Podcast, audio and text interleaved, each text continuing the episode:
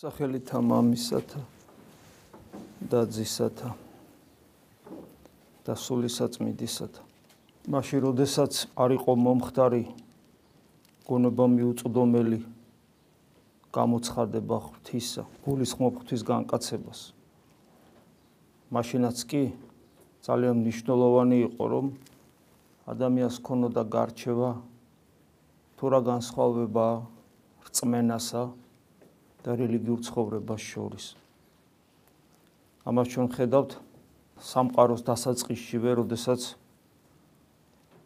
კაინსა და აბელს შორის ის განსხვავებაა, რომ აბელს წმენა აქვს და კაინი რელიგიური ცხოვრებით ცხოვრობს. თუმცა ფიქრობ ამას ამ ბოროტებას რაც ადამიანის არს აზიანებს საფუძველი დაედო ჯერ კიდევ 60-ში, როდესაც ადამმა არასწორი არჩევანი გააკეთა და სწორედ მას დაემართა ეს. მან თქვა ღმერთთან ცოცხალ ურთიერთობაზე და შინაგან სუყოფილებაზე უარი გარეგანი წესის სანაცვლოდ. აი დღესაც ჩვენ კითხულობდით აბრაამთან დაკავშირებით პავლე მოციქულის მიერ აბრაამის ისტორიას და პავლე მოციქული ხშირად ასე უპირისპირებს რწმენას და გარეგან რელიგიურობას და დღესაც ვკითხულობდით იმას ზუსტად რომ თავარი რა იყო აბრაამში. არა ის ჯული, რომელიც მან დაუტოვა თავის თავმავლობას გარეგანის ჯული, არამედ რწმენა. რწმენა, როდესაც გონება მიუწვდომლად შეიძლება ასე ითქვას, აბრაამი აა ხდებოდა, რომ მას ღმერთი ელაპარაკებოდა. ეს არც ისე იოლია. აბრამი ღმერთს ელაპარაკებოდა როგორც კაცი კაცს, როგორც წერია, ანუ მას ჰქონდა მცდელობა, უпроსორეთ მას ჰქონდა ადამიანად მოსვლამდე ჯერ კიდევ ჰქონდა რაღაც ერთგვარი ასეთი სარწმუნოებრივი გმირობა, გარღვევა შეიძლება ასე ითქვას, რომ ღმერთს პიროვნულად დალაპარაკებოდა. ეს ესე ადვილი კიდევ ერთხელ მეორება. არ არის პრაქტიკულად ეს თითქმის შეუძლებელიც არის. ამიტომ აბრაამის წმენა განსაცვიფრებელია. მას იმდანად დიდი ნდობა ქონდა უფლისა, რომ იცით, მისი ცხოვრება თავგანწირვა, ერთგულება და ყველა მორწმუნეს მამად, ამიტომაც იწოდება. ასეთები იყვნენ ძველი აღთქმის წინასწარმეტყველნი. იგივე მოსე რო ავიღოთ. მოსეს ეცხადება უფალი. მოსე შინაგანად უაღრესად სინდისიერი ადამიანია. მას თავგანწირული ერთგულება შეუულია. იგი უანგაროა. იგი უარყოფს იმ დიდებულებას, რომელიც მას ფარაონის კარზე აქვს. აქვს. იგი ფარაონის კულტურაში, იმ ცნობიერებაში აღზრდილი ადამიანია. ფაქტობრივად კულტურულად შეიძლება ასე ითქვას, მოსე არის ეგვიპტელი.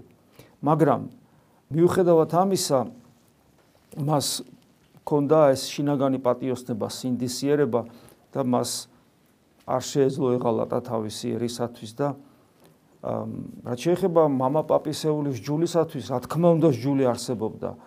მაგრამ ეს ჯული მოწყვეტილი იყო ცოცხალ ღმერთთან ერთობას.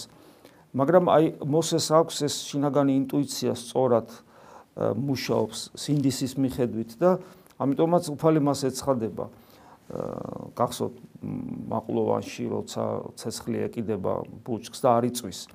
და უფალი იქ მას აუხსნის, როცა ეს ეკითხება ვინახა, რა ქვია სახელი, აქაც ჩანს მისი ეგვიპტური კულტურა, ანუ წარმართული, ანუ ღმერთსახელი უნდა კონდეს, რომლის საშუალებითაც ღმერთთან კომუნიკაციის საშუალება იქნება შესაძლებელი. წარმართობაში უფრო ცოტა უხეშადაც შეიძლება ითქვას ღვთაებების манипуляციის საშუალება ეძლევა, როცა სახელი იცი. მაგრამ აი უხსნის ღმერთი რომ სახელი არს ნიშნავს მე მინდა შენი არსი ვიცოდე და შესაბამისად კომუნიკაცია შედგეს. და იქ აჩვენებს არსი და არსი არის ის რომ ყოფი ამაზე ხშირად გვისაუბრია. ხო ყოფიერება არის პიროვნული პერსონიფიცირებულია ყოფიერება. ანუ ვარ არის მე ანუ მე ვარ ღმერთი ეტყვის ეს არის ჩემი სახელი. მიუხედავად ამისა რომ აი რაღაც პერსო პერსონი ფიცირებულია თითქოს მათი ურთიერთობა, მე როცა მოსეს თხოვს, რომ მას უნდა ღმერთის ხილვა, აი აქა ჩანს, აი აი რა რაღა უნდა რაღა უნდა იყოს ხო? მეტი ადამიანი ესე იგი მისი ლოცვით ზღვა იპობა წარმოიდგინეთ რა ნუ ეხა ეს წარმოუდგენელი რამეა ხო? ზღვაა და კვერცხს დაარტყავს და ეს კვერცხის დარტყმის მერე ზღვა იპობა აქ კედლებად დადგება ეს ზღვა და შუაში გაივლიან მაგრამ მოსეს დიდებულება სწორედ ამაში მდგომარეობს რომ ეს ყველაფერი ეს ყველაფერი მისთვის პრინციპში არაფერს წარმოადგენს ეს ყველაფერი მისთვის მოდი ასე ვთქვა, რელიგიური მხარეა, მაგრამ მას სხვა რამე სურს, მას უნდა ღმერთი იხილოს. ამ რელიგიის მიღმა და ამიტომ ღმერთს თხოვს, რომ მას დანახვა სურს, მისი ნახვა სურს და გახსოვთ, რომ ეს შეუძლებელი ხდება კლდის ნაპრალში ჩადგება მოსე კლდე, როგორც იცით, სიმბოლო ქრისტესი და კლდის ნაპრალში ჩადგება და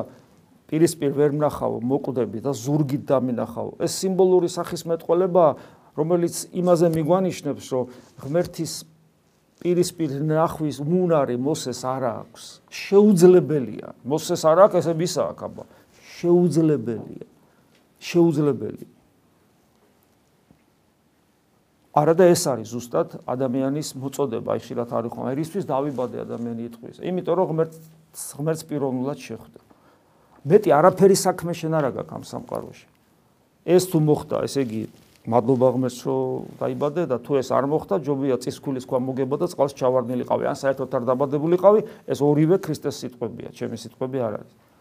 ამისთვის ვარ დაბადებული ღმერთ შევხვდეთ ღმერთი ვნახოთ.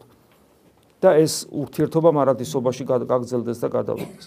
ხო მაგრამ აი ხედავთ ეს ეს შეუ ა ブラ ამისათვის რაღაც ზღვარია დადებული და მისი კითხვა შეუძლებელია მოსესთვის ხედავთ შეუძლებელია და სხვა წინასწარმეტყველებები წინასწარმეტყველთათვისაც ასევე შეუძლებელია. თუ დავით მეფსალმონისთვისაც შეუძლებელია და ასე შემდეგ. რატომ არის შეუძლებელი? იმიტომ რომ ჩვენსა და ჩვენს პერსონასა და ღმერთს როგორც პერსონას შორის დგას ეს გაუვალი ზღუდე ჩვენი დაცემულობისა. არა იმ იმ განზომილებისა, რომელშიც ჩვენ ცხოვრობთ სივრცისა და დროის, არამედ ჩვენი შეზღუდულობისა. იმიტომ რომ ამას ჩვენ გავარღვევდით და ამ სივრცეს და გავიდოდით, იმიტომ რომ ჩვენი პიროვნება თუ თავისუფალი იქნებოდა ამ ყოლაფრისგან, მაგრამ ვერ არის თავისუფალი ჩვენი პიროვნება, იმიტომ რომ ჩვენ თვითონ დავემონეთ მას, როგორც გითხარით, ჩვენ თვითონ ჩვენ თვითონ სამოთხეშივე ჩვენი არჩევანი გავაკეთეთ ისო ღმერთთან ამ პიროვნული ერთობის მაგივრად ჩვენ სუყოფილება მოვინდომეთ მატერიის საშუალებით, როცა ჩვენ თვითონ უნდა გაგვირკვია რა არის კეთილი და ბოროტი და ამისათვის ვიყენებდით ناقობს ხისას და ამასთან მემორჩილებოდით დემონის უკეთურნებას. ამიტომ ეს შეზღუდულობა ჩვენს მიერ ჩვენ ვერ შევქმენით. რომელიდანაც გამოსავალი არ იყო, მაგრამ აი მოდის განკაცებული ღმერთი ადამიანად მოდის, თვითონ გამოარღვია ეს და მოდის ჩვენთან. და რადგან ღმერთი მოვიდა ჩვენთან, და რადგან ეს საოცრება მოხდა ეს ჩვენთვის გაუვალი გზა თუ დიდი წინასწარმეტყველთათვისაც გაუვალი გზა თავად თავად გამოარღვია ზემოდან ქვემოთ. ხო? ეს ნიშნავს იმას რომ ერთი ხრი თითქოს პრობლემა მოგვარდა გზა გაიხსნა. მაგრამ მეორე ხრი პასუხისგებლობით კიდევ უფრო მეტად დავიტვირთეთ უფრო მეტად დამძიმდა ჩვენი პასუხისგებლობა იმიტომ რომ ახლა ადამიანს შეუძლია ღმერთთან პიროვნული ურთიერთობა გქონდეს, ახლა ადამიანს შეუძლია თავისი დანიშნულება აღასრულოს, რისთვისაც თითოეული ადამიანი ამ სამყაროში მოდის და იბადება. უკვე შეუძლია, ადრე არ შეეძლო, ახლა ღმერთით, მაგრამ ახლა შესაძლებელია. და აი აქ სწორედ აქედან გამომდინარე, როდესაც ჩვენ ვამბობთ და პავლე მოციქული ამაზე ბევრს იმიტომ საუბრობს, იმიტომ რომ პავლე მოციქული უკვე ახალი აღთქმის მოქალაქეა, და ჩვენს გასაგონად იმიტომ უპირისპირებს გარეგანს ჯულს და რწმენას, რომ რწმენა სწორედ აი ამ ღმერთთან პერსონიფიცირებულ ურთიერთობას ნიშნავს, ხოლო გარეგანის ჯული, გარეგანის ჯული კიდე არის რელიგია. და ჩვენ ამაზე ხშირად საუბრობთ კიდე ერთხელ მიმეორებ, იმიტომ რომ მიუხედავად იმისა, რომ ადამიანი თითქოს ქრისტეს წმენით შემოდის ეკლესიაში, მაინც უჭირს გარკვევა ზღვარის გავლება, გარჩევა თუ რა რა განსხვავება სარწმუნოებასა და რელიგიურ ცხოვრებას შორის. როდესაც ღმერთი ადამიანად მოვიდა, ჩვენ ვიცით, რომ მასში ზოგმა დაინახა ინტუიციურად, რომელიც სწორად ინტუიციურად, აი პეტრეს იგივე, ხო, არ ესმის რა ხდება, არ ესმის, საერთოდ არ ესმის რა ხდება პეტრეს, როგორ კარგად ჩანს, არც არც მოციქულს არ ესმის. ღვთისმშობელს ბოლომდე გაცნობიერებული არა აქვს. მიუხედავად იმისა, რომ იგი ამ თავგანწირვაზე წავიდა, იყავნება შენი, აჰამხევალი უფლისა.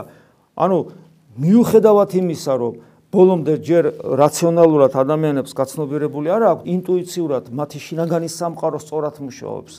რატო არ ვიცი? ეთყობა აი ეს შინაგანი პატიოსნება, აი პატიოსნება, რასაც ქვია, აი იმ პატიოსნებას პატევიდან მოდის, ანუ ღვთის ხატობის და ღვთის მსგავსების პატივს ღირსეულად ატარებს ადამიანი, სინდისის მიხედვით ცხოვრობს, სიმდაბლე უყვარს და ასე შემდეგ. ადამიანი თავისუფალი არსებაა და შინაგანად მას უფრო სიკეთისკენ აქვს მიდრეკილება. აი ეს არის ალბათ და შესაბამისად მათი ინტუიცია სწორად მუშაობს. მაგრამ ეგ საკმარისი არ არის რომ ადამიანმა გაიაზროს და რაციონალურად ეს ყველაფერი განმარტოს და დადოს. მაგრამ მათი ინტუიცია სწორად რომ მუშაობს, ისინი მოციქულები ქრისტეს მიყვებიან, თავგანწირვამდე ცდილობენ ყოველ შემთხვევაში როგორც როგორც შეუძლიათ მელეს მელესასხებლებდების საერთოდ მიყვებიან ქრისტეს, თუმცა ბოლომდე გაცნობიერებული არ აქვს. მაგრამ მაგრამ მერე ბოლოს უკვე როდა სულიწმინდა ღმერთი გარდამოდის, მერე მათთვის ეს ყველაფერი ბოლომდე საცნაური ხდება. მაგრამ აი ქრისტეს წინაშე მდგარნი, ქრისტეს წინაშე მდგარნი, რაციონალურად ვერ ხვდებიან, ინტუიციურად ხვდებიან, მაგრამ უდიდესი უმრავლესობა ვერც ინტუიციურად ხვდება და რაციონალურად ვერ ხვდება. ანუ ქრისტეს უყურებენ და ვერ ხედავენ მასში, მასში ღმერთს და ქრისტეში ღმერთი როგორ უნდა დაინახო. ძალმოსილებას ის არავლენს. იმიტომ რომ ამაზე ბევრი გვისაუბრია. ძალმოსილებას თუ გამოავლენს ადამიანები მხოლოდ დაიდრგუნებიან. ან მაგალითად მოინდომებენ ანგარებით გამოიყენონ ეს როგორც ქრისტემ დააპურა უამრავი ადამიანი გახსოვთ ხუთი პურისა და ორი თევზის სიუჟეტი და მხოლოდ ანგარებით. აუ რა კარგი ეს ეს რა ბეცვეწია ესეთი მეფე რო გვეყოლება არც რომ აგვინდა არაფერი არ გვინდა მოსმენა კარგად ლაპარაკობს მოусმენთ არაფერს გაკეთება არ დაგჭირდება, მარტო უსმენ და ვჭამთ, უსმენ და ვჭამთ. და გადასარევია. გასართობი მეტი რა ქონათ ეხა მაშინ და ლადან ტელევიზორი არ ქონათ, თეატრი არ იყო და არაფერი არ იყო, მარტო იყო აი ეს რაც იყო რა მორჩა. როგორ ცხოვრობდნენ. და ინცამს და რა თქმა უნდა ეს პატიმოყარეობა, რომ აი რომის რომის იმპერია ჩვენ თავზე გვაზის და აქედანაც გაგვანთავისუფლებს. ანუ იმ წამსვე სათავისოდ გამოიყენეს ეს ძალმოსილება. რაც არ უნდა მოეხდინა უფალს, რაც არ უნდა მოეხდინა. ეს ამას მნიშვნელობა არ ექნებოდა. ჩვენ ვიცით ლაზარე აღადგინა და ლაზარეს მოკლაც უნდათ და დაბადებიდან ბრმას თვალები აუხილა და ესე იგი შაბათს რატო აკეთებს ასეთ რამეს და ასე შემდეგ. მეტაკლება სახარება ხო ვიცი? ანუ ძალმოსილების გამოვლენებას აზრი არ აქვს. ერთადერთი ჩება რა რომ ღმერთი დაინახონ რაში იმ სათნოებათა უსასრულო სიმაღლეში, რომელიც სათნებად სამყაროში არ არის სხვაგან. ეს არის სიმდაბლე, ეს არის სიმშვიდე, ეს არის აბსოლუტური გულმოწყალება, ანუ საქმეში გამოვლენილი სიყვარული. რაც აი ავაზაკმა დაინახა. მაგრამ ამითაც ვერ ხედავენ. ეს ნიშნავს, რომ ისინი შინაგანად პატიოსნად არ ცხოვრობენ. შინაგანი პატიოსნება არ აქვს, მათი სინდისი არასწორად მუშაობს. სხვა სხვა ახსნა უბრალოდ ამას არ აქვს. თუ ჩვენ გვიდა რაღაცნაირად ახსნათ, რატო ვერ ცნობენ ქრისტეს ადამიანები? მაშინ ან ახლა რატო ვერ ცნობენ ადამიანები ქრისტეს? რატო ვერ ცნობენ? რა რატო არ უნდა აღბთოვანდე? რატო არ უნდა ცრემლა რატომ არ უნდა დაიღვარო გული მობიერებისაგან როგორ არ უნდა გაგიცხელდე შეიძლება ასე ითქვას როცა როცა გაიაზრებ რომ სამყარო შემოქმედი დგას შენს წინაშე მაგრამ ვერ ხედავ ამას ვერ განიცდი შენი შინაგანი სამყარო უძლური ხდება და თუ იტყვი რომ როგორ უნდა ვიცნო კაცო ხა მე რა ვიცი? აბა ის სხვა როგორ ცნობს?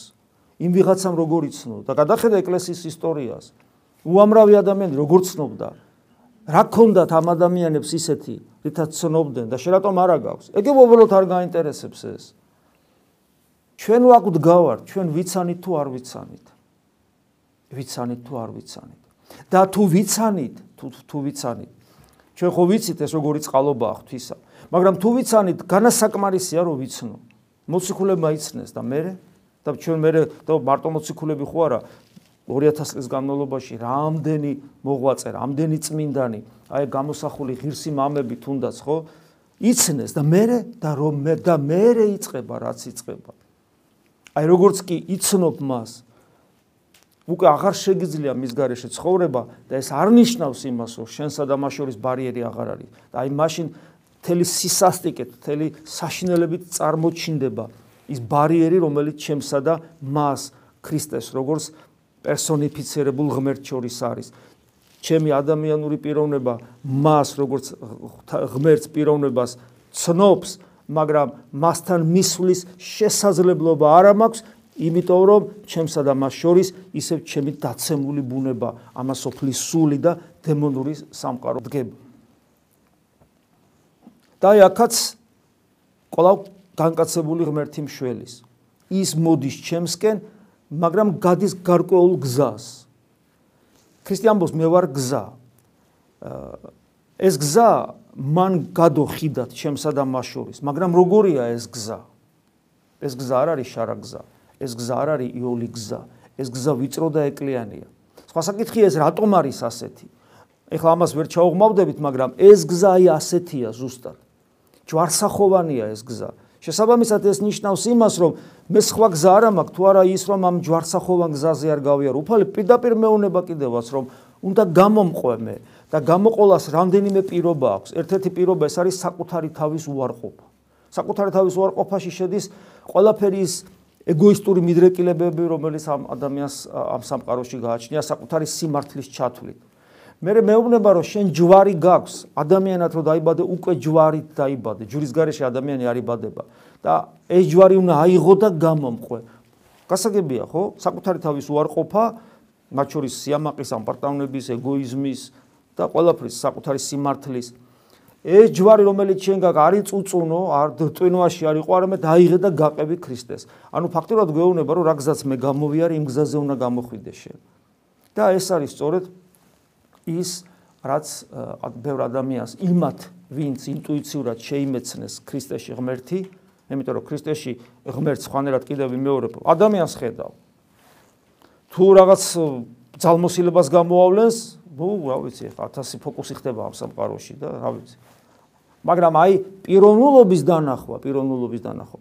ეს არის სწორედ ის სასწაული, რაც ჩვენ ცხოვრებაშია მომხდარი, მაგრამ ეს რომ მოხდება, აი ამის მერე იწება გაყოლა ქრისტეზე. აი ეს გაყოლა, გაყოლა არის ის სირთულე, ის პრობლემა, რომელმაც არ მისცა მრავალ ქრისტიანს, ვინც მიხვდა იმას, რომ ქრისტე ღმერთია, აი ამ სირთულემ ქრისტეს გაყოლისა არ მისცა მრავალ ქრისტიანს იმის საშუალება, რომ მათი რწმენა რეალიზებულიყო, ტალანტი დაფლული არ ყოფილიყო მიწაში და ისინი ჭეშმარიტი ქრისტიანები გამხდარიყვნენ. სირთულე სწორედ ამაშია. და აი დღესაც ჩვენ сахарებას რო ვკითხულობდით, მათეს сахарებას, აი ვკითხულობდით, რომ უფალი გვაფრთხილებს კიდევ ერთხელ, რომ იწრო არს ბჭე და საჭირველ არს გზა, რომელიც მიიყვანებს ცხოვრებას. ანუ ის ბჭეც სადაც უნდა შევიდეთ ვიწროა და საჭირველ გზა, ანუ ძალიან რთული სავალი გზა, რომელიც სიცოცხლეში შეგვიყვანს. და გვეუბნება, მცირედნი არიან, რომელი პოვებენ მას. ეს საშიში სიტყვებია ჩვენთვის. მცირე, რა ვიცი ამ მცირეში ვიქნები მე? შეიძლება ამ მცირეში არ აღმოჩნდე. მე ვიცი რომ ამ მცირეში ვიქნები თუ არ ვიქნები. მე ხო აქ იმიტომ დგავარ, რომ ამ მცირეში ვიყო. ხო? აქ იმიტომ დგავარ. მაგრამ მე აქედან რომ გავდივარ და ეს მავიწყდება რომ მცირეში უნდა მოხდე. და ვატარებ დღეებს, დღეებს ვინჩივის თვეებს, თორე ისე წამიც არ უნდა გავატარო მე, აი ეს არ მახსოვდეს, არ მახსოვდეს. არც ერთი წამი, არც ერთი წამი არ უნდა იყოს რომ ეს არ მახსოვდეს. და მე ხო ვიცი როგორ ცხოვრობ. შესაბამისად ეს სიტყვები კიდევ ერთხელ მაფხიზებს, რომ ცირედნი არიან, ცირედი, რომელიც იპოვე, პოვებენ მას, აი ამ ვიწრო კარებს. ეს არის სირთულე სულიერი ცხოვრების. მაგრამ წეგანას ვამბობდით, არის ეს არის წმენა, წმენა, მაგრამ არის რელიგიური ცხოვრება.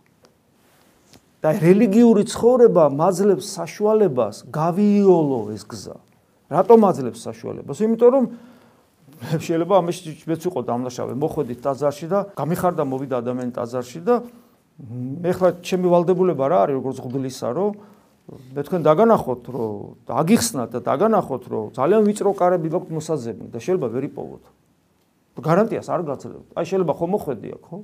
ჯერ ვიცი რა იქნება, როგორ დამთავრდება. და კი წინ იმასაც გეუბნები, რომ ეს ვიწრო კარები რო იპოვა მანამდე იქამდე მისასვლელი საჭირველი გზაა გასავლელი საშინელი განსასწრებით გასავლელი გზა გაქვს ვიწრო და ეკლიანი მე უნდა ეს უნდა გითხრა გესმით? ეს უნდა და შენ გულს თუ ქრისტე შენახებია, ეს არ დაფთხები ამით შენ, იმიტომ რომ შენში შენ ცხოვრებაში მზე ამოვიდა, გესმით? ბრმა იყავი და თვალხილული გახდი, იმიტომ მოხვედი ჩემთან. თუ ბრმა იყავი და თვალხილული მოხვდი, ჩემთან რატომ მოხვიდოდი ის? Ну ხანდახან მღვდელთა როგორც ფსიქოლოგთანაც მიდიან, მაგრამ ესე მოდიან, მიდიან. აი ვინც მოდის და რჩება, თვალხილულია და მოვიდა. და ამიტომ შენ არ უნდა დაფთხე, რომ გეტყვი, რომ სირთულეები იქნება შენ სულიერ ცხოვრებას. ესმით? ამის მაგივრად მე თუ შემოგთავაზე შენ რელიგიური წესი. დილას აღამოს ლოცვებს შაარაკრაკებ, საჭმელს ამას შეჭამა, დიეტას დაგინიშნავთ, მოკლედ როგორც არის და მურჩა დამთავრდა, არაფერს არ გეუბნები. გიოლებ, ანუ მთელი შენი ეს ვიწრო და ეკლიანი გზა და ეს ვიწრო კარიბჭის ძიება, ღმერთთან პერსონალური შეხვედრის რეალიზება, რომელიც პოტენციურად მოგეცა, იმიტომ რომ ეგ არის რწმენა, დაგიყვანე შე რაღაც წესების შესრულებამდე. ეს არის გადარჩენის ან სულიერი ცხოვრების ან ქრისტიანობის გაიოლების მცდელობა, როდესაც რწმენა გავწიე გვერდზე და ჩავანაცვლე წესით, გარეგანი წესით, რელიგიური წესით. ეს არის იოლი გზა. იოლი გზა, იმიტომ რომ რელიგიურ წესს ასრულებს ქრისტიანის სხვადასხვა დენომინაციის და სხვადასხვა რელიგიის წარმომადგენლების და ყველა ათეისტსაც კი და ურწმუნოსაც თავისი რელიგიური წესი აქვს. და მე ამ რელიგიურ წესს აქვს ესეთი თვისება, რომ ადამიანს რაღაც ჩარჩოში აქცევს. ჩარჩოში ეს ჩარჩო ისეთი ინერტულია და ისეთი ისეთი ისეთი ძნელად გასარღვევია, რომ მე იქიდან ამ ადამიანს ამოსვლა უჭირს და მე ამის უამრავი მაგალითი მაქვს, როცა ადამიანი დაზიანებული ცხოვრებით მოდის რელიგიური თვალსაზრისით. როცა არ უფიქრია საერთოდ ცოცხალ ღმერთზე, ფიქრობდა წესების შესრულებაზე. იქიდან ადამიანის გათავისუფლება ურთულესი რამეა, ურთულესი. მithumetes თუ ამ რელიგიურ ცხოვრებაში მას რაღაცა პირადი მისტიკაც აკავშირებს. იმიტომ რომ ყველა ადამიანს თავის მისტიკური მხარე აქვს, ურწმუნოსაც თავის მისტიკური მხარე აქვს. ნებისმიერ სფეროში მისტიკა და სულ ადამიანი ხო ცხოველი არ არის. ხო და შესაბამისად თუ იმ რელიგიურ ცხოვრებაში მას რაღაცა მისტიკური გამოცდილება აქვს, დამთავრდა იქიდან მას ვერაფერთ ვერ გამოიყვა. და ისე არის სხვა რელიგიის წარმომადგენელი რაღაცა და ისე არ არის ქრისტიანი რომ თვითონ ვერც კი ხვდება ამას. ასე რომ ეს ეს ძალიან გასაფრთხილებელია. ამიტომ მოცფალი გვეუბნება ეკრძალენით ცრუ წინასწარმეტყველთაგან. წინასწარმეტყველი ვინ არის დღეს? დღეს წინასწარმეტყველი არის აი მე ვარ წინასწარმეტყველი. მღვდელია წინასწარმეტყველი. რას ნიშნავს წინასწარმეტყველება? არა მკითხავს. ფოთაშორის ბევრი ადამიანი მღვდელთან როგორც მკითხავთან ისე მიდის. რომელ სამსახურში დაიწყო მუშაობა? რომელ ექიმთან? ვის გავყვეთ სოლად? და რა ვიცი 1000 1000 რაღაც აინტერესებს ადამიანს. ხვალ რა გავაკეთო, ზეგ რა გავაკეთო, მაზეგ რა გავაკეთო. და მთავარი წინასწარმეტყველების არსი რაში მდგომარეობს? ღვთისნება რა არის იმის გარკვევა? წინასწარმეტყველი ღვთისნების გამცხადებელია და არა მკითხავი. ამიტომ მას შემდეგ რაც ქრისტემ ეკლესია დაარსა, მთელი ეს წინასწარმეტყველური სახურება მღვდლობას გადააბარა, მღვდლობას, რომელიც არის valdebuli, მღვდლობის ეს ინსტიტუცია არის valdebuli, რომ ადამიანებს ღვთისნება განუცხადონ. ღვთისნება განუცხადონ და თქვენ მღვდელთან მხოლოდ იმიტომ უნდა მოდიოდეთ, რომ ღვთისნება განუცხადონ და მღვდელი კიდევ გეტყვით, რომ ეს ღვთისნება განცხადებული არის უკვე წერილობით წმინდა წერილში და 2000 წლის განმავლობაში უამრავ თხუზულებებში გაბნეული განმარტებებია სწორედ აი ამ ღვთისნებისა და წმინდა წერილის სწორად გაგებისა. და უნდა მიგანიშნოთ იქითკენ, სადაც ეს საუნჯია დავანებული, ეს არის წმინდა ეკლესია. ხო და იუფალი გვეუბნება რომ გვაფრთხილებს რომ ეგზალერიც რო წინასწარმეტყველთაგან რომელიც მოვიდოდიან თქვენთან სამოსლთა ცხოვართა ხოლო შინაგან იყვნენ მგელმტაცებელ ხო ადამიანი არც ცხვარია და არც მგელია გასაგებია რაზეც არის ლაპარაკი. გარეგულად ქრისტეს სახურს გავს და შინაგანად არ არის ქრისტეს სახური. მორჩა არც მეტი არც ნაკლები. შეიძლება ძალიან კეთილია მაგრამ არ არის ქრისტეს სახური. ძალიან მარტივია შეიძლება თვითონაც არ იცოდეს. თვითონაც არ იცოდეს რას ნიშნავს იყო ღვთის სახური ვინ არის? აი ცრუ წინასწარმეტყველს ახსენებს. ეგზალენით ანუ ფთხილად იყავით ცრუ წინასწარმეტყველთაგან. ვინ არის ეს ცრუ წინასწარმეტყველი? ვინ? რა ტიპის ადამიანი რა ტიპის ადამიანი შეიძლება იყოს ცრუ წინასწარმეტყველი? ყველაზე საშიშია როცა ის ღდელია მაგრამ შეიძლება ის ადამიანიც იყოს და სხვა მისცეს მაგალითი. უფალი ამასაც ამბობს, რომელი თავი თვისით იტყვიან დიდებასა, რომელი თავი თვისით იტყვიან დიდებასა თავისა თვისა ეძიებს. ნახეთ ვინ არის რო წინასწარმეტყველი. ვინ საკუთარი თავიდან ლაპარაკობს და საკუთარ დიდებას ეძებს. ეს შეკიდე ვიმეორებ, შეიძლება იყოს ნებისმიერი ერისკაცი. რომელიც საკუთარი თავის წინასწარმეტყველი გახდეს. იცით ასეთ მაგალითებიც რომ არის, რომელსაც ეუნები ერთს და ეუნები არაშენსას, არამედ დაბეჯითებათ დაბეჯითებით ეუნები რომ წმინდა წერილიდან მოუყვან, წმინდა მამათაგან მოუყვან, ეკლესიის გამოცდილებიდან მოუყვან, მაგრამ მას ჯერა საკუთარი პირადი ინტუიციის, საკუთარი პირადი გამოცხადებისაც კი ასეთებიც ხდება. მას რაღაცები ეცხადება, ჩვენება და ის იმდენად ჯერა, რომ წმინდა წერილის აღარ ჯერა. გესმით? აი ეს არის. ანუ და ეს რა თქმა უნდა ერისკაცი, როცა საკუთარი რელიგიური სიმართლით ცხოვრობს და საკუთარი ხედვით სარწმუნოებაში და ინტუიციით, რომელიც რომელიც საკუთარი როგორ არ უნდა იყოს, მაგრამ რომელიც არ ეფუძნება, არ ეფუძნება 2000 წლოვან ქრისტიანულ ცივილიზაციას და ტრადიციას. გამოცდილებას, უგულებას ყოფილი. და რა არის ეს 2000 წლოვანი ქრისტიანული ცივილიზაცია? სულიწმინდა ღმერთის სხვა ნუგეშინის ცემელი რომაო, სულიწმინდა ღმერთის და წმინდა გულის ადამიანების თანამშრომლობის შედეგად მიღებული ცოდნა. დადებული ცოდნა უბრალოდ, მიღებული კი არა, დადებული ცოდნა და გამოცდილება. წერილობით დადებული ცოდნა და გამოცდილება, ყველაფერს თავი რო დავანებოთ. სულიწმინდა ღმერთის და ადამიანის. ფაქტობრივად ეს არის სულიწმინდა ღმერთის მიერ მოცემული ცოდნა გამოტარებული განწმენდილი გულისა და საბამისად ადამიანთა მერე ნააზრევით გადმოცემული ეს ყველაფერი. მაგრამ კიდევ მეორებ ადამიანები ამას უარყოფენ, უარყოფენ და ხდებიან საკუთარი თავის წინასწარმეტყველი, მაგრამ მე თუ დამემართა ეს სასულიერო პირს, მე თუ დამემართა.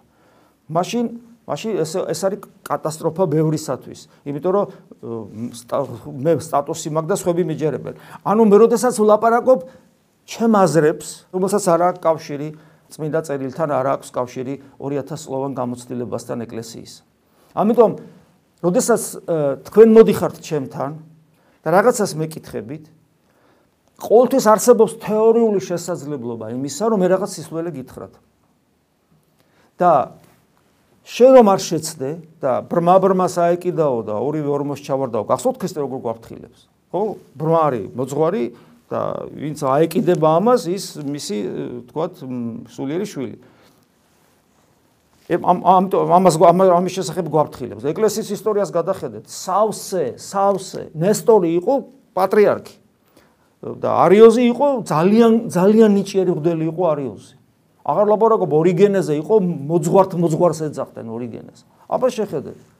რეები თქვენს, რეები თქვენს და ესე იგი ადამიანები სად გაუშვეს, იმის მაგრამ თუ ქრისტესკენ გაეშ. რეები ხდება სამყაროში. ამიტომ თქვენ მიუხედავად იმისა, რომ მოხვედით და თქვათ დაიწყეთ სულიერი ცხოვრება, თქვენი პასუხისგებლობა ამის სულაც არ იკლებს და არ მცირდება. და არ შეიძლება დაიძინოთ იმის გამო, რომ ხო, ეხა მე ხშირად მithქვა ხოლმე ეკლესია ბოინგივით არის რა მიდის და შენ უნდა იჯდე თავარია. მაგრამ ეს რაღაც ესეთი იგავური სახეა რომელიც ბოლომდე სიმართლეს არ შეესაბამება. ბოინგი შეიძლება დაიძინოთ. ეკლესიაში არ შეიძლება ძილი არ შეიძლება ძილი. მღვიძარე უნდა იყოს ემად რამე არ მოხდეს. შეცდომ არ დაუშვას ვიღაცამ და არ გადაგიყოლოთ სულ ყველა. გესმით? აი ეს ძალიან მნიშვნელოვანია. უი რა კარგი ყოფილა ვიღაცა იტყვის აწია მე ვიცი ჩემი გზა და შუშავა მოწრომ ყველას. აქ არსებობს მეორე უკიდურესობა. საერთოდ უკიდურესობები არის ეშმაკის საქმე და ზომიერება და სწორი ხაზი არის ქრისტიანობისა. ადამიანს შეიძლება საერთოდ გაუჩნდეს უნდობლობა თქვა ეკლესიის სწავლებისადმი, რომელიც პერსონიფიცირებული, ეკლესიის სწავლება არის პერსონიფიცირებული. ამბობს მღვდელი ამბიონიდან, ამ პირად საუბარში და კითხულობ წმინდა მამებს. და იცით ადამიანი, რომელსაც აი ეს მეორე უკიდურესობაში واردება და ესე იგი მე უნდა შევამოწმო რა ყველაფერი? მე ხო აბა ხა მე ვიცი და ამოწმებს ადამიანი ყველაფერს და მეორე უკიდურესობაში واردება ნიშნავს იმას, რომ მისთვის აღარ არსებობს არავინ, ვისაც დაუჯერებს, არც ცოცხალი. და არც გარდაცრული, მათ შორის წმინდანი და ამის მაგალითებიც არის. თანამედროვე სიტუაციაში, როცა ადამიანს ყოფნის კადნიერება კითხულობს წმინდა მამას და არა კაცო. ეს ესე არ არის. წმინდა მამას კითხულობს. მე ვიცნობდი ვიცი ადამიანები, რომელსაც მოციქულებზეც კი აუწევიათ ესე ხელი და არა კაცო პავლე მოციქულს არ ეთანხმება და ასე შემდეგ. ასეთების მომხდარა. ეკლესიის წიაღში შვაგან კი არა კაცო. ესმით, აი ეს ძალიან მნიშვნელოვანია, რომ გვახსოვდეს, რომ ზომიერება დავიცვა და ну როგორ როგორ უნდა როგორ უნდა დავიცვათ ზომიერება. ну აქ წმინდა მამათა სწავლებით ისევ ერთადერთი ერთადერთი საშუალებაა. ეს არის სიმდაბლე. ყველგან მახია დაგებული ანტონი დიცროეჩვენა. ყველგან მახია, ყველგან. აქეთ ესე იგი ხაფანგში ვარდები, იქითაც ხაფანგში ვარდები. ერთადერთი სადაც არ ჩავარდები ხაფანგში და აცდები ამ ყველაფერს, სიმდაბლე ქრისტეს დარით ვისება. ამიტომ ხედავთ ადამიანს როგორ მობილიზება, როგორი გონიერება, როგორი სიბზნე ჭირდება. გესვით როგორია, როგორი პასუხისგებლობით ვარ დატვირთული ეკლესიაში როცა ვარ. თორე წმენის დაკარგვას ერთი ნაბიჯი ჭირდება. თქვენ როგორც სიცოცხლესა და სიკვდილის შორის ზღვარი აი რაღაცა ცოცხალი არსება ყავს. აი პატარა ყვავილი და რა. ცოცხალია და მთელი სამყაროა სიცოცხლე ხო? რაღაცა ამოდის პატარა ყვავილებს იკეთებს. პატარა რაღაცა ისი არასწორი ან წყალს ზედმეც მოგივა ან ნაკლები მოგივა ან არა. მოგახმება და თუ გახმა დამთავრდა ესეა ჩვენი რწმენაც. ადამიანმა დაკარგა რწმენა ცოცხალი ღმერთის მაგივრად დღეს წამსო ყველაფერი კანონზომიერად არის სამყაროში. წვენა დაკარგა. და განათლება აქვს მას კაცო, ის გამონათლებელი კი არ არის. და თუ დაკარგე რწმენა, აი მიდი არ გისაუბრიათ ათეისტთან. არ გისაუბრიათ ადამიანს, რომელსაც ან ათეისტია ღმერთის არსებობის არ ჯერა, ან ეკლესიაში რო ღმერთია ამის არ ჯერა, ან ქრისტეს ღმერთობის არ ჯერა, არ გისაუბრიათ. და თქვენ შეგიძლიათ ლოგიკურად დაუსაბუთოთ, რომ ღმერთი არის, ან ქრისტე რო ღმერთია, ან ეკლესია რო ქრისტეს მისტიკური სხეულია და ეკლესიაში რო ღმერთია. შეგიძლიათ და არაფერი არ გამოდის, ვერაფრით ვერ ასაბუთებთ. რატომ? იმიტომ რომ არა აქვს ის და ის თქვენ რაც გააქვთ, ის თუ დაკარგეთ, თქვენ ზუსტად იგივე დაგემართებათ. ზუსტად. არანაირი ლოგიკა არ გარგიშველით, საკუთარი საკუთარ თავს შეახსენოთ, კაცო. კი, მაგრამ მე ხომ წამდა და არაფერი არ გამოვა, არაფერი. ამიტომ გაუფრთხილდით ამ წმენას. ესე იგი ცრუ წინასწარმეტყველია რომელიც საკუთარი თავიდან იტყვის და ნახე აქ ამბობს מחარებელი რომ რატო ხდება ესე? რატო ლაპარაკობს საკუთარი თავიდან? იმიტომ რომ თავის დიდებას ეძებს. მას თავის მონაპოვრად გონია რომ აი როგორ ესე იგი საუბრობს და როგორ ადამიანები მას როგორ უსმენენ და ღვთის განგებას როგორ ღვთისნებას როგორ განუცხადებს და სინამდვილეში ეგ საკუთარი თავის დიდება და გახსოვთ ეს დიალოგი რას ნიშნავს საბოლოო ჯამში ანტიქრისტეზე საუბრობს. რომ ანტიქრისტე ანტიქრისტე საკუთარი თავის დიდებას ეცდება დღესაც აი საქართველოში არის რამდენიმე მარტო საქართველოში არა სოფლიოში არის რაღაც ესე იგი გამოვლინებები ძალიან მახინჯი ფორმისა აი აი ამ უბედურებისა როდესაც ადამიანი იწოდება ვიღაცის მოძღვრად, როგორც წესი ეს ადამიანები ეკლესიაში არ არიან, მე შეიძლება იყვნენ ეკლესიაში, როგორც იანო მოციქული ამბობს, ჩვენ ჩვენთან იყვნენ, მაგრამ ჩვენები არასოდეს ყოფილანო, მე ეკლესიაში გადიან, ეკლესიიდან გადიან ეს ადამიანები ფორმალურად ან არაფორმალურად, მაგრამ არსობრივად გასულები არიან ეკლესიიდან, რომელთა სიტყვაც, რომელთა ცხოვრების წესიც სიტყვაც და ცხოვრების წესიც საერთოდ არ არის თანხმობაში სახარებასთან, მრწამსთან ქრისტიანულ წამს საერთოდ არ არის. თლიანად ეწინააღმდეგება წმინდა წერილს. და ადამიანები ამას ვერ ხვდებიან. და მისდევენ ასეთ ადამიანებს და რა ვიცი, აღმერთებენ და ასე შემდეგ. ხედავთ რა, როგორ შეიძლება ადამიანის ცნობიერება დამახინჯდეს, აი ეს ბრმა-ბრმას აეკიდა, ხო, ეს იგავური სახე როგორ შეიძლება რეალური გახდეს. და ადამიანი ამ დროს იღუპება, იმიტომ რომ ადამიანი ხო თავისუფალია. შესაბამისად ის ხო პასუხისგებლობით დატვირთულია. ვინ არის მაშინ ჭეშმარიტი წინასწარმეტყველი? ვინ არის ჭეშმარიტი წინასწარმეტყველი? ეს იოანეს სახარებიდან არის. რასაც ეგეთყვით. ხოლო რომელი ეძიებს დიდებასა მომავლინებელისა თვისისასა, იგი ჭეშმარიტი არს და სიცრუე არ არის მისთანა. ესე იგი ჭეშმარიტი წინასწარმეტყველი არის ის, რომელიც თავის თავიდან კი ალაპარაკობს და თავისას კი არ ეძებს. არამედ ეძებს თავისი მომავლინებლის დიდებას, დიდებას. და მაშინ ამ შემთხვევაში მაშინ ანუ მასში არ არის საკუთარი თავის გამოჩენის სურვილი. აი როგორ უნდა გავაკეთოთ ჩვენ, რომ ჩვენ არ ვიყოთ სრუწინასწარმეტყველნი და ესე იგი დაცული ვიქნათ იმუბედურებისაგან და ვიყოთ წეშმარიტი წინასწარმეტყველნი, ჭეშმარიტად ღვთისნების გამცხადებელნი. ჩვენი სწავლება უნდა ეფუძნებოდეს წმინდა წერილს და 2000 წლოვან გამოცდილებას. ეს არის ქრისტიანობა. ამიტომ ყოველი ჩვენი სიტყვა, ყოველი ჩვენი საქმე, ყოველი ჩვენი აზრი, ყოველი ჩვენი ამოსუნთქვაც კი კავშირში უნდა იყოს სახარებასთან და 2000 წლოვან გამოცდილებასთან, ჩვენ თუ სულ რო ვიყოთ ქრისტიანები. მუდმივად გადავამოწმოთ საკუთარი თავი. მუდმივად კიდევ ერთხელ აი ბევრჯერ მithქვავს, ეხლას კიდევ ერთხელ ხმამაღლა ვაბობ, რომ ყოველი ადამიანი, რომელიც სულიერ ცხოვრებაში დეგრადირებს, ან არ ვითარდება, ან პრობლემები აქვს, ზოგადად უმთავრესი მიზეზი არის ის, რომ ეს ადამიანი ცხოვრობს მხოლოდ და მხოლოდ საკუთარი სიმართლით. ან დიდი ნაწილი მისი ცხოვრების საკუთარ სიმართლეს ეფუძნება და არ ცდილობს, რომ თავისი ყველაფერი გადაამოწმოს რაც არის წმინდა წერილში. იმიტომ რომ რატო გაურბის იმ სირთულეს, იმიტომ რომ წმინდა წერილი რას გეუბნება? აი ჩემი ცხოვრების დანიშნულება როგორც ადამიანისა ხო ის არ არის რომ ჭამო ჭამო და მე მოვკვდე. ჩემი ცხოვრების დანიშნულება ხო ზემოთ ტრანსცენდენტულ ყოფიერებაში შესვლა, როგორც შესვლა შვილის სტატუსით. ხომ ეს არის? ჩემი პიროვნების განვითარება, პერსონის განვითარება და სახარება მეუბნება, რომ კი ეს გეძლება ამის შესაძლებლობა, ოღონ გამოგიყვალა გზა, მოვიდა და ეს გზა ვიწროა, ეკლიანია და ის კარებიც ვიწროა. სხვა გზა არ არის, შემოვლითი გზა არ არსებობს. და ადამიანი გაურბის ამას, ზოგი პირდაპირ გაურბის და გააზრებულად და უარყოფს ყველაფერს, ზოგი ინტუიციურად გაურბის. აი ადამიანს ხო აქვს ინსტინქტი, რაღაცა თვალს თვალს მოგიტანენ, თვალი ახამხამებს, ხო? თქვა სტომატოლოგთან რომ მიხვალ, ტკივა და გაურბი ხარ. ხო, მაგრამ თუ გინდა რომ განიკურნო, უნდა მიხვიდე და პირი გააღო და სხვა გზა არა გაქვს. გესმის უნდა გაუძლო ამას, თორე სხვანაირად ესე იგი შეიძლება კბილბა მოკლას კიდევაც, ხო? ხო, მიდიხარ ამ თავგანწირვაზე. აი ესეთი თავგანწირვა ჭირდება, იმიტომ ის ვიწრო და ეკლიანი გზა და ვიწრო ჭე რთული გასავლელია. რთული, ძნელია, კომფორტი ზონიდან უნდა გახვიდე და ადამიანი გაურბის ამას ინტუიციურად. და ამიტომ არის რომ ვერ ხვდება და პრობლემა აქვს. როგორ ვიცნო, როგორ ვიცნო? მე ჭეშმარიტი წინასწარმეტყველი. როგორ ვიცნო ჭეშმარიტი წინასწარმეტყველი, რომელიც თავის დიდებას კი არ ეძებს, არამედ მომავლინების დიდებას ეძებს. და ცდილობს რომ აი ის ვიწრო გზა დაინახოს, დაგანახოს და ის ვიწრო გზის გამყვალავი ადიდოს ქრისტე. ესმით როგორ როგორ გავაკეთოთ და ეკლესია რომელიც მისი მისტიკური შეეულია. როგორ ვიცნობ ეს წინასწარმეტყველი? ახაც გვეუბნება. ეს უკვე ისევ მათეს სახარება არის. უკვე თუ ვინმე ნებასა ღვთისასა ყოფდეს მან ცნოს მოძღრებაი ეს. ანუ როგორ ვიცნო? და ისევ თქვენი პასუხისგებლობა დგება წინა პლანზე.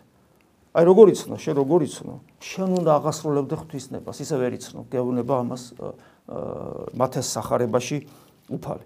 როგორ ვიცნო, თუ ღვთისნებას აღასრულებ, მაშინ ცნობ. ესე იგი, აი ისე ვიქმდივარ შინაგანი პატიოსნებით, სადაც შენი პატივი, რაც გააქვს ღვთისაგან მოცემული ხატობისა და მსგავსობისა არ არის დადგუნული და არ არის გაუბედურებული შენი ჰედონიზმით და შენი ქვენაგძნობებით და შენი სიამაყით და ეგოიზმით და ამპარტავნებით და სიმართლით შენი სიმართლით ეს ყველაფერი ჩვენ გვაქვს ესე იგი ჰედონისტებიც ვარ და ეგოისტებიც ვარ და ამაყის და ამპარტავალის და საკუთარი სიმართლეს გვიყვარს, მაგრამ მას არ ვაძლევთ საშუალებას, რომ ჩვენში ეს პატივი მოკლას ღვთისხატობისა და მსგავსების, ამიტომ პატიოსნად მინდა ვიცხოვრო და ამიტომ სინდისის მიერად ვცდილობ.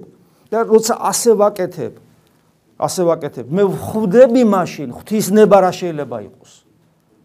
ეს მე არ არ მერთმევა გონება, ჩემს გონებას ვერ იპყრობს სატანა, ვერ იპყრობს და ამიტომ აა ეს ეს არ შეიძლება იყოს ღვთისნება, ღვთისნება ეს უნდა იყოს. და მე მინახია მაგალ ადამიანს აღმოსავლური რელიგიების წარმომადგენელი იყო და ვეუბნები, კაცო, პერსონიფიცირებული ღმერთი, შენ როგორც პიროვნება მარადიული ღირებულება გაქვს და ღმერთი როგორც სიყვარული, არსადეგეთ რამე არ არის, რასაც ქრისტიანობა გეუბნება, ღმერთის სიყვარული, აბა მანახე საწერია თქვენთან ღმერთის სიყვარული ხო, კი, ნახეო ეგრეაო, მაგრამ მარტო სიყვარული ხო არ არისო? მურჩა, დამთავრდა. მეტი რაღა უნდა ილაპარაკო, მარტო სიყვარული ხო არ არის? ხო და მაშინ იცხოვრო როგორც გინდა კაცო. თუ სიყვარული მარტო სიყვარული ხომ არ არის, არა? გესმის? აი ეს, გესმის? ადამიანს გონება წართმული აქვს, ვერაფერს ვეღარ უზავი, ვერაფერს ვეღარ უშველი. ამიტომ ღვთისნებას თუ არ და ხე ყოფდეს, თუ ღვთისნების აღმსრულებელი შენ ცხოვრებაში არ ახარ, იმიტომ რომ შენ არ ახარ ცხოველი. ადამიანი, იმიტომ არის ადამიანი, რომ მას შეუძლია ინტუიციურად ღვთისნება გაიგოს და მიყვეს ამ გზას და ნელ-ნელა ეცხადება ჭეშმარიტება. მაშინ ის მიხვდება, რომ сахарებაში რაც წერი არის სიმართლე. და მაშინ ის მიხვდება, რომ ორი ადამიანი რო ლაპარაკობს, ვის მხარეს არის სახთო სიმართლე, იმიტომ რომ თვითონ ეს ადამიანი ღვთისნების აღსრულებელია.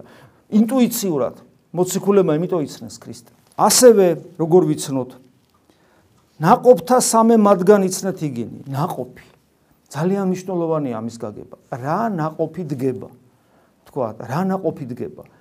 ადამიანი მისი მოღვაწეობა, მისი საქმეები ძალიან მნიშვნელოვანია. ეს არის ერთ-ერთი უმთავრესი, რითაც ჩვენ ვიცნობთ. აი, მართლმადიდებლობის ჭეშმარიტების ერთ-ერთი უმთავრესი გამოვლინება რა არის? ადამიანები, აი, გარშემოყოფი ადამიანები აქ რო არიან გამოსახული, მათგანი ზოგიერთი მათგანი სულ ეხლახან ცოცხალი იყო. სულ ეხლახან. მე 21 საუკუნეშია გარდაცვლილი. მათი ფოტოებიც არსებობს, ვიდეოებიც არსებობს, მათი ჩანაწერებიც არსებობს. გესმით, მათი მემკვიდრეები ცოცხლები, მათი სულიერი შვილები ცოცხლები არიან. ესენი არიან ناყოფნი. ამიტომ მართლმადიდებლობის ჭეშმარიტებას არანაირი დამტკიცებას, არანაირი სარჭირდება რაღაც ლოგიკური ძლიერი აპარატი. ფაქტი, ფაქტი, ეს არის ფაქტები არიან. აი ადამიანი, აი აი რა რა რანაყოფი გამოიღო მართლმაიდებელმა ეკლესიამ. ქრისტეს გარე ადამიანები შვა უამრავი და მარტო ძველად კი არა. აგერ მე-20 და 21 საუკუნეში უამრავი ქრისტე იშვა, შეიძლება ითქვას. პატარა ქრისტე, უამრავი. რომელთა დანახვაც საკმარისი იყო, საკმარისი იყო, რომ დიდება უფალს გეთქვა, რომ ღმერთი არის და ქრისტე ღმერთია. მამა ეფრემ არიზონელს რომ ნახავდი, მორჩა, ღმერთი არის, აღარ უნდა ბევრი ფილოსოფია ამას. ღმერთი არის და იესო ქრისტეა ღმერთი. და ამ ადამიანში ცხოვრობს ეს აი ის ღმერთი, რომელზეც ეს ეს ამბობენ, აი ამაში ცხოვრობს. ესე იგი ჭეშმარიტებაა ეს. მარტო საკმარის იყო მისი დანახვა. ეს არის ناقოფი. ასევე არსებობს ბოროტი ناقოფი. აა არა ყოველმა რომელმა მრქვას მე უფალო უფალო შევიდეს იგი სასუფეველსაც ცათასა და აი კიდევ ერთხელ დამახინჯება ქრისტიანობისა რელიგიურობით. ნახეთ ასამბობს ადამიანი ლოცულობს უფალო უფალო. ადამიანი შეიძლება გარეგნულად იესოს ლოცვაც ქონდეს მოუკლებელი. უფალო იესო ქრისტე შემიწყალე მე უფალო იესო ქრისტე შემიწყალე მე უფალო. თუ ეს ლოცვა შინაგან ლოცვაში არ გადავიდა, შეიძლება მანტრად იქცეს. გარეგანი ცხოვრებაა ეს. შინაგანი კი აღარ არის. იმეორებს და იმეორებს ადამიანი. და მაგრამ არა არა ყოველმან რომელმან რქვას მე უფალო უფალო შევიდეს იგი სასუფეველსაც სათასა რაღაც საინტერესო რამ არის? უფალი თავად არის სასუფეველი. ქრისტე თავად არის სასუფეველი. ანუ ქრისტეს მოუწოდებს მაგრამ ქრისტესთან კავშირი არ აქვს. კეთილი ناقოფი რა არის არამედ რომელმან ყოს ნება მამისა ჩემისა ზეცათასა. ანუ თუ შენს რელიგიურ ცხოვრებას შენს ლოცვას არ მოყვა ღვთის ნების რეალიზება შენს პირად ცხოვრებაში. სად ვლინდება, მოყვასთან ვლინდება, მოყვასთან, მოყვასთან ვლინდება. ყოველდღე გეკ თქვენ დარწმუნებული ვარ მე, ყოველდღე გაქვთ გამოცდა მოყვასთან ურთიერთობაში და სამწუხაროდ იშვიათად ვაბარებთ სწორად და კარგად. ყოველდღეა ეს გამოცდა. არასოდეს არ ხდება ისე რომ მოყვასთან შეჯახება მოგივიდა და ეს ღვთის დაშვებით არ იყოს. ეს იყოს არასოდეს არ ხდება ისე ეს იყოს შემთხვევით. ყოველთვის შენი შინაგანი მდგომარეობის ლუსტრაცია ხდება. რა ხარ შინაგანად? იმ წამს ის შეიძლება დამნაშავე იყოს. მე იმას კი არ ვამბობ, რომ სუმტყუანები ხარ და სხვები სუმართლები არიან. მოდი ესე თქვა, სუმართალი ხარ შენ, რაც არასწორია, რა თქმა უნდა, დაუშვა და ყველა გარშემო შენ შენს გარშემო სუმტყუანი არაფერს ნიშნავს ეს. ქრისტე სუმართალი იყო და გარშემო სუმტყუანები იყვნენ, მაგრამ იმ მტყუანებზე ლოცულობს უფალი, ხო მაგალითს გვაძლევს. ჩვენ ქრისტიანები ვართ, ჩვენ საკუთარი სიმართლით, სამართლიანობით არ ვმოქმედებთ ჩვენ. მით უმეტეს იურიდიული სამართლიანობით არ ვმოქმედებთ ჩვენ სოციუმში. ჩვენ მოქმედებთ ქრისტეთი, ეს სხვადასხვა რაღაცაა. ამიტომ ეს ბოროტინაყოფი არის ეს, რომ ხო და კეთილინაყოფი კიდევ ერთი, რომელმა ყოს ნება მამისა ჩემისა ზეცათას. აი ეს არის კეთილინაყოფი, ნება. კლავ ბოროტნაყოფსია საუბარი, მრავალ მამრქვას მას დღესა შინა უფალო უფალო და კიდევ რელიგიური ცხოვრება წამოწეული. ეს ადგილები თქვენ იცით უბრალოდ კიდევ ერთხელ მოგვეცა მის საშუალება. მას დღესა შინა რა არის ეს? ეს არის როცა უფალი ბრუნდება ერთი და მეორე როცა მე წარსგები ღვთის წინაშე. და საერთოდ შინაგანი ლოცვითი პრაქტიკა ეს არის ფაქტობრივად ერთის და მეორეს წინა გემოსხილვა, შინაგანი ლოცვითი, შინაგანი ლოცვითი პრაქტიკა, გონებისმიერი ლოცვა, გონება გულისმიერი ლოცვა, ისიკასტური პრაქტიკით არის როგორც გარდაცვალების, ისე უფლის დაბრუნების წინა გემოსხილვა მეძლება და ერთგვარი ტექნიკური სიტყვა რეპეტიცია შეიძლება ასე ითქვა წინდი უფრო აი რელიგიური ტერმინი რო გამოვიყენო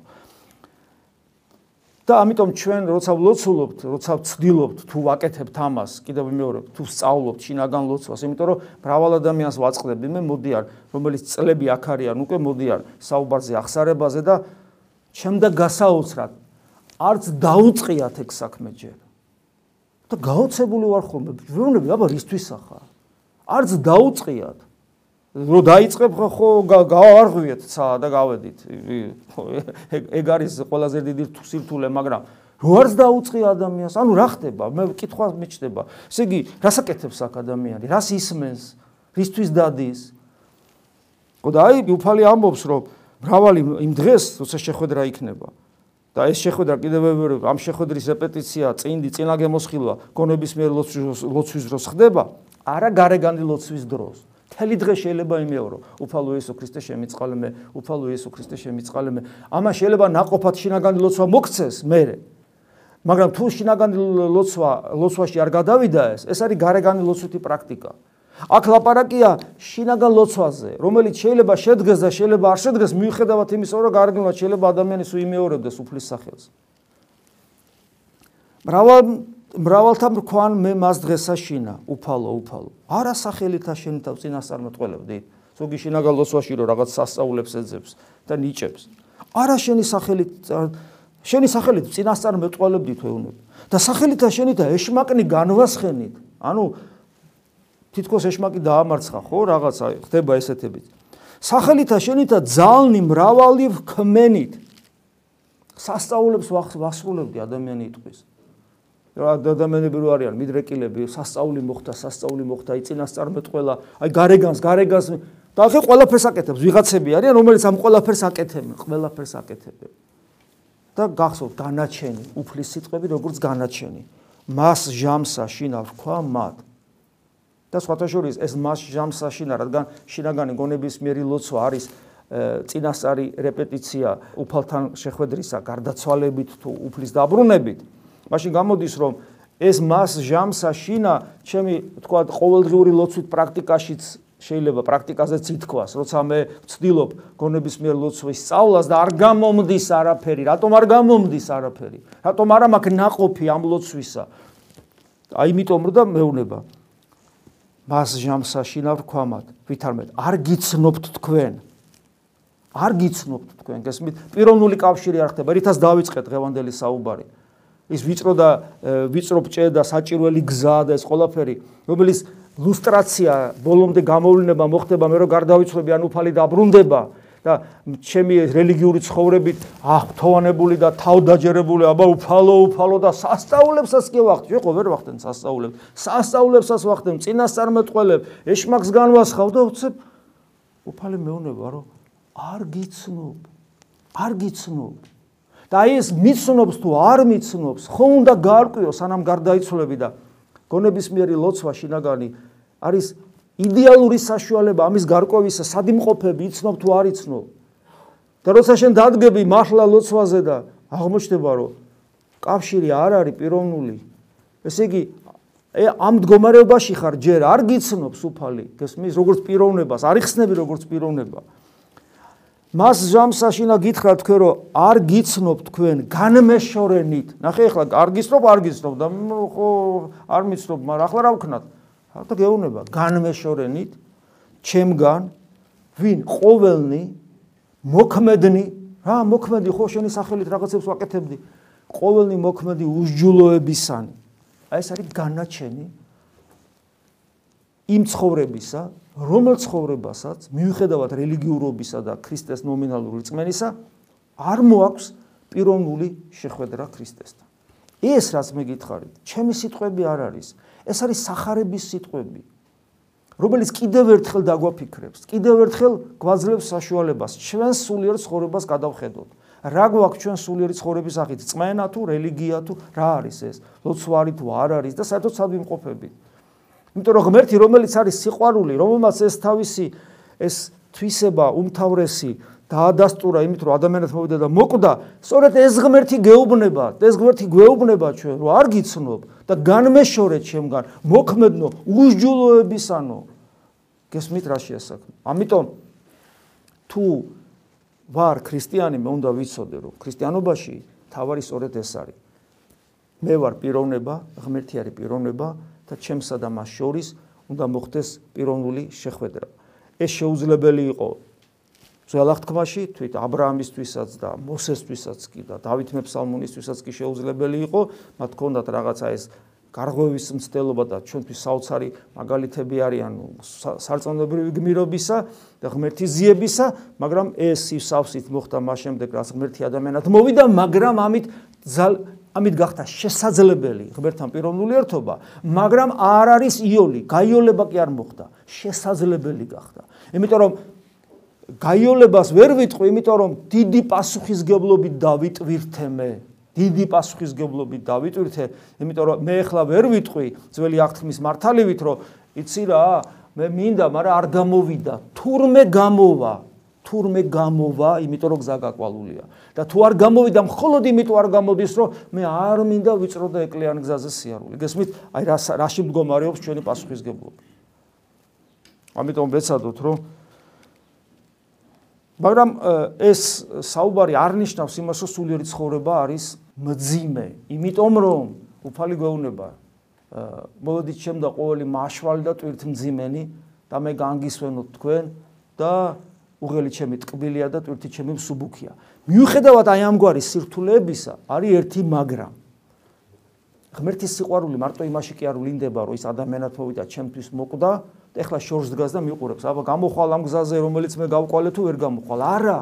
ის თვითონ მეუნება, რომ მე ვარო გზა და ეს ნიშნავს, როგორც კი ნაბიჯს გადადგავ, პირველი ნაბიჯი უკვე ქრისტესთან ერთად არის, იმიტომ რომ გზა ხო გზა არის, გზა არის ბოლოშიც, თავშიც, შუაშიც. ამიტომ აი ამგვარ ცხოვრების ჯერ გააზრებას და ამგვარ ცხოვრების დაწყებას საოცარი სიხარული ბედნიერების განცდა, შინაგანის სისავსე, შინაგანის სინათლე ახლავს სულში მზე ამოზდის ადამიანს ამ დროს და ადამიანზე, ასეთ ადამიანზე ბედნიერი არავინ არ არის და თავსაც რომ ჭრიდე, ცოცხლად რომ ატყავებდე, მთელი სამყარო თავზე რომ დაემხოს, ასეთ ადამიანზე ბედნიერი არავინ არ არის, იმიტომ რომ მასში ქრისტე ცხოვრობს რეალურად. ცხოვრობს რეალურად. ჩვენ ტაძარნი ვართ ღვთისა, ჩვენ შვილები ვართ ღვთისა. ამიტომ მიუხედავად ამ სირთულებისა და სირთულებზე საუბრობთ, იმიტომ რომ ჯერ წმინდა წერილი საუბრობს და ვთაუბრობთ, იმიტომ რომ ჩვენი პირადი პერსონალური პასუხისგებლობა დავინახოთ. გავიაზროთ, არ მოვდუნდეთ, არ დავიძინოთ.